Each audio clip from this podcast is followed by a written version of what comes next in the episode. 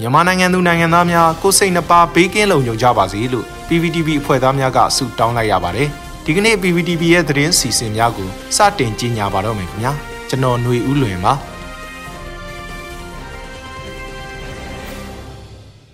ပထမဆုံးအနေနဲ့မြို့သားညီညွတ်ရေးအစိုးရစီမံကိန်းဗန်နာရေးနဲ့ရင်းနှီးမြှုပ်နှံမှုဝန်ကြီးဌာနကနိုင်ငံပိုင်မြေအဆောက်အဦနဲ့မြေကွက်23ခုကို အကြမ်းဖက်စစ်ကောင်စီကရောင်းချဖို့စီစဉ်နေတာနဲ့ပတ်သက်ပြီးတတိပေးတားမြစ်ချက်တစ်စောင်ထုတ်ပြန်လိုက်တဲ့သတင်းကိုတင်ဆက်ပေးသွားပါမယ်။နိုင်ငံပိုင်မြေအဆောက်အဦနဲ့မြေကွက်23ခုကိုအကြမ်းဖက်စစ်ကောင်စီကရောင်းချဖို့စီစဉ်နေတာဟာ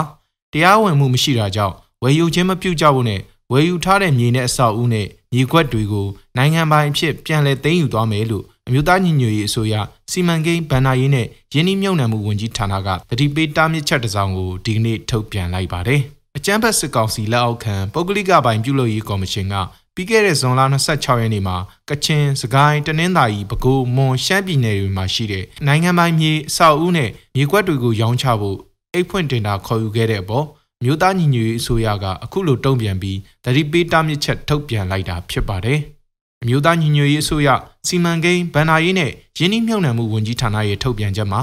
အကြမ်းဖက်စစ်ကောင်စီဟာ ပြည်သူလူထုထံမှအာဏာကိုမတရားသောနည်းလမ်းဖြင့်အတင်းအဓမ္မသိမ်းယူထားသောတရားမဝင်အဖွဲ့အစည်းဖြစ်ပြီးကုလသမဂ္ဂအပါအဝင်မြစ်တိကမ္ဘာနိုင်ငံကများတရားဝင်အစိုးရအဖြစ်တိမှတ်ပြုထားခြင်းမရှိဘဲအကြမ်းဖက်အဖွဲ့အစည်းသာဖြစ်တယ်လို့ဖော်ပြထားတာတွေ့ရပါတယ်။ နိုင်ငံပိုင်မြေအဆောက်အဦနဲ့မြေကွက်တည်းရဲ့မူရင်းပိုင်ရှင်ဟာပြည်သူတွေသာဖြစ်တဲ့အတွက်ပြည်သူလူထုအားကိုစားပြုမှုမရှိတဲ့အကြမ်းဖက်စစ်ကောင်စီနဲ့၎င်းရဲ့လက်အောက်ခံအဖွဲ့အစည်းတွေအနေနဲ့နိုင်ငံပိုင်မြေအဆောက်အဦနဲ့မြေကွက်တွေကိုစီမံခန့်ခွဲပိုင်ခွင့်ရောင်းချခွင့်မရှိဘူးလို့လည်းဆိုပါတယ်။အခုလိုအိတ်ဖွင့်တင်တာခေါ်ယူခြင်းဟာတရားဝင်မှုလုံးဝမရှိတာကြောင့်ဝယ်ယူခြင်းမပြုကြဖို့နဲ့လက်ဝယ်ရယူထားတဲ့သူထံကနေနိုင်ငံပိုင်အဖြစ်ပြန်လည်သိမ်းယူမယ်လို့ကြေညာထားတာဖြစ်ပါတယ်။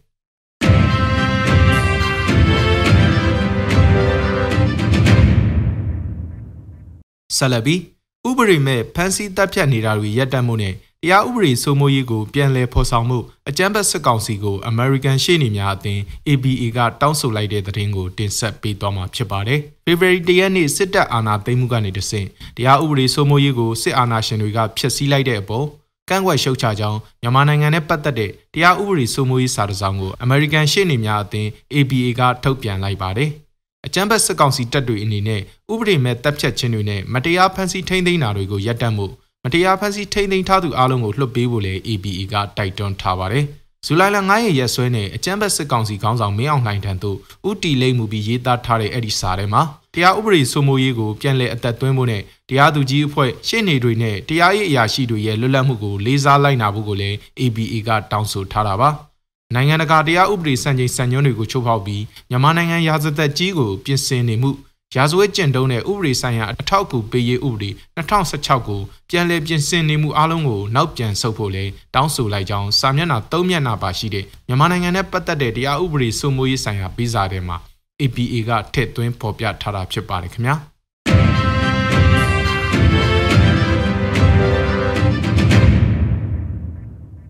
ဆက်လက်ပြီး မြန်မာရပ်ဖက်ဖွဲ့စည်းတွေနဲ့အမေရိကန်နိုင်ငံသားရေးဝန်ကြီးတွေ့ဆုံဆွေးနွေးခဲ့တဲ့တဲ့ရင်ကိုတင်ဆက်ပေးပါမယ်။အမေရိကန်နိုင်ငံသားရေးဝန်ကြီးအန်တိုနီဘလင်ကန်ဟာဇူလိုင်လ10ရက်နေ့မနက်ကကျင်းပတဲ့အွန်လိုင်းအစည်းအဝေးတစ်ခုမှာမြန်မာနိုင်ငံအရက်ဖက်အဖွဲ့အစည်းတွေရဲ့ကိုယ်စားလှယ်တွေနဲ့တွေ့ဆုံခဲ့ပါတယ်။အမေရိကန်နိုင်ငံအနေနဲ့မြန်မာနိုင်ငံမှာဒီမိုကရေစီလူ့အခွင့်အရေးနဲ့တရားဥပဒေစိုးမိုးရေးတည်ဆောက်နိုင်မှုအတွက်မြန်မာပြည်သူတွေနဲ့အတူလက်တွဲပြီးအလုပ်လုပ်ဖို့တန်ဋိဌာန်ချထားကြောင်းမြန်မာနိုင်ငံမှာဒီမိုကရေစီပြန်ရဖို့အတွက်ကြိုးပမ်းအားထုတ်နေသူတွေနဲ့တသားတဲ့အတူရှိကြောင်း နိုင်ငံခြားရေးဝန်ကြီးအန်တိုနီဘလင်ကန်ကပြောကြားခဲ့ပါတယ်။အမေရိကန်အစိုးရအနေနဲ့မြန်မာနိုင်ငံရဲ့ဒီမိုကရေစီအသွင်ကူးပြောင်းရေးကိုနောက်ကျောင်းပြန်သွားစေတဲ့လုပ်ရက်တွေအတွက်တာဝန်ရှိသူတွေကိုတာဝန်ခံခိုင်းမှုနဲ့လူအခွင့်အရေးချိုးဖောက်မှုကျူးလွန်နေသူတွေကိုအပြစ်ပေးအရေးယူနိုင်မှုအတွက်လည်းအားပေးထောက်ခံကြောင်းနဲ့နိုင်ငံခြားရေးဝန်ကြီးအန်တိုနီဘလင်ကန်ကပြောကြားခဲ့ကြောင်းအမေရိကန်နိုင်ငံခြားရေးဌာနရဲ့ထုတ်ပြန်မှုအရတွေ့ရှိရပါတယ်ခင်ဗျာ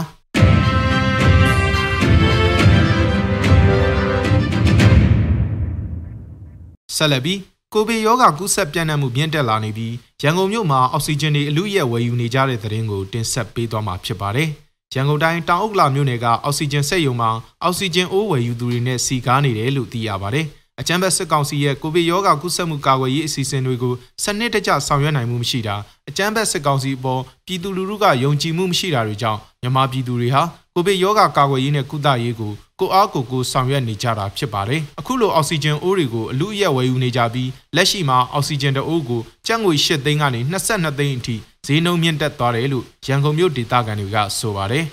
လက်တလုံးမြေပြင်သတင်းများအရကိုဗစ်တန်တရားဖြစ်လာလို့စစ်ကောင်စီဖွင့်ကျူစင်တာများကိုတက်ရောက်ရန်သတင်းပို့တဲ့အခါရခိုင်ကလိုချက်ချင်းလာရောက်ခေါ်ယူခြင်းမရှိကြောင်းအစင်းစင်စစ်ဆေးချက်အမျိုးမျိုးနဲ့အရင်သတင်းအစင်းစင်ပို့ရကြောင်းနောက်ဆုံးတက်ခွင့်မရသူများပြားနေကြောင်းလည်းသိရပါတယ်။ ဆေးရုံများမှာလည်းလူနာလက်ခံကုသနိုင်မှုအင်အားနည်းပါသလိုငွေကြေးတောင်းခံနေမှုများလည်းရှိနေတာကြောင့်ဆင်းရဲနွမ်းပါတဲ့ပြည်သူများအနေနဲ့ယောဂတန်ကိုလက်ဆင်းခံနေရတဲ့အခြေအနေမျိုးဖြစ်နေကြောင်းလည်းကြားသိရပါတယ်။အကြမ်းဖက်စစ်ကောင်စီအနေနဲ့ COVID-19 တတိယလိုင်းကိုကျော်လွှားနိုင်ခြင်းရှိမရှိနဲ့ပတ်သက်ပြီးအမျိုးသားညီညွတ်ရေးအစိုးရကျန်းမာရေးဝန်ကြီးဌာနပြည်ထောင်စုဝန်ကြီးဒေါက်တာဇော်ဝေဆိုးကအခုလိုပြောကြားထားတာကိုတွေ့ရပါတယ်။တကယ်တော့ COVID-19 control နဲ့ပတ်သက်ရင်စဉ်းစားကြည့်မယ်ဆိုရင်အပြည့်စုံဆုံး ကဘာပေါ်မှာအပြည့်စုံဆုံးတိုင်းပြည်တွေအေးချမ်းသာယာပြီးတော့အစစရာရာအဆင်ပြေတဲ့တိုင်းပြည်တွေမှာတောင် control မလုပ်နိုင်ဘူးအဲ့တော့တကယ်တော့အရေးအကြီးဆုံးက COVID-19 control မှာဆရာထင်တော့အရေးအကြီးဆုံးကပြည်သူလူထုနဲ့အစိုးရနဲ့ပေါင်းဆက်ပြီးမှဒီကိစ္စလုပ်လို့ရအစိုးရကလည်း တော်ရမယ်ကောင်းရမယ်စေတနာရှိရပြည်သူလူထုကလည်းအစိုးရရေကိုယုံကြည်ပြီးတော့လိုက်နာရဒါဥပမာရှင်းရှင်းလေးပဲเนาะပြည်သူအစိုးရတော်အောင်ဆန်းစုကြည်ခုနဆရာပြောခဲ့ပြီဘာတွေလုပ်ရမယ်ဆိုတာပြည်သူတွေကိုတလုံးချင်းတလုံးချင်းတစ်ခုချင်းတစ်ခုချင်းတစ်နေ့ချင်းတစ်နေ့ချင်းပြောသွားတာဒါနဲ့ပတ်သက်ပြီးရှိတဲ့အင်အားတွေပြည်သူတွေရဲ့အင်အားတွေ နော်အစိုးရရဲ့အင်အားတွေနိုင်ငံတကာနဲ့ပေါင်းပြီးတော့ဒါကိုဖြည့်ရှင်းခဲ့အဲ့ဒီလိုမျိုးအစိုးရနဲ့အဲ့ဒီလိုမျိုးပြည်သူမှသာလျင်ဒီလိုဟာမျိုးအဖြည့်ရှင်းလို့ရအခုလိုမျိုးစကားစလို့ legitimate လည်းမဖြစ်ပြည်သူကလည်းလက်မခံသူတော်အောင်ဆန်းစုကြည်လို့မင်းအွန်လိုင်းထွက်ပြောကြည့်ပါလားအဲ့ဒီ television ရိုက်ခွဲခံ ဆရာကြီးဦးမြင့်ထွေးတို့ဆရာတို့ဆရာဥက္ကမောင်လွင်တို့ပြောသလိုမျိုးကိုသက်ခိုင်ဝင်ထွက်ပြောကြည့်ပါလားအဲ့ဒီ television ရိုက်ခွဲခံမှာသိကြဆိုတော့အဲ့ဒီလိုမျိုးအခြေအနေမျိုးမှာဘယ်လိုများ control လုပ်ပါလဲအဲ့တော့လုံးဝမဖြစ်နိုင်တဲ့ကိစ္စရေတော်ဘုံအောင်ရမည်ရေတော်ဘုံအောင်ရမည်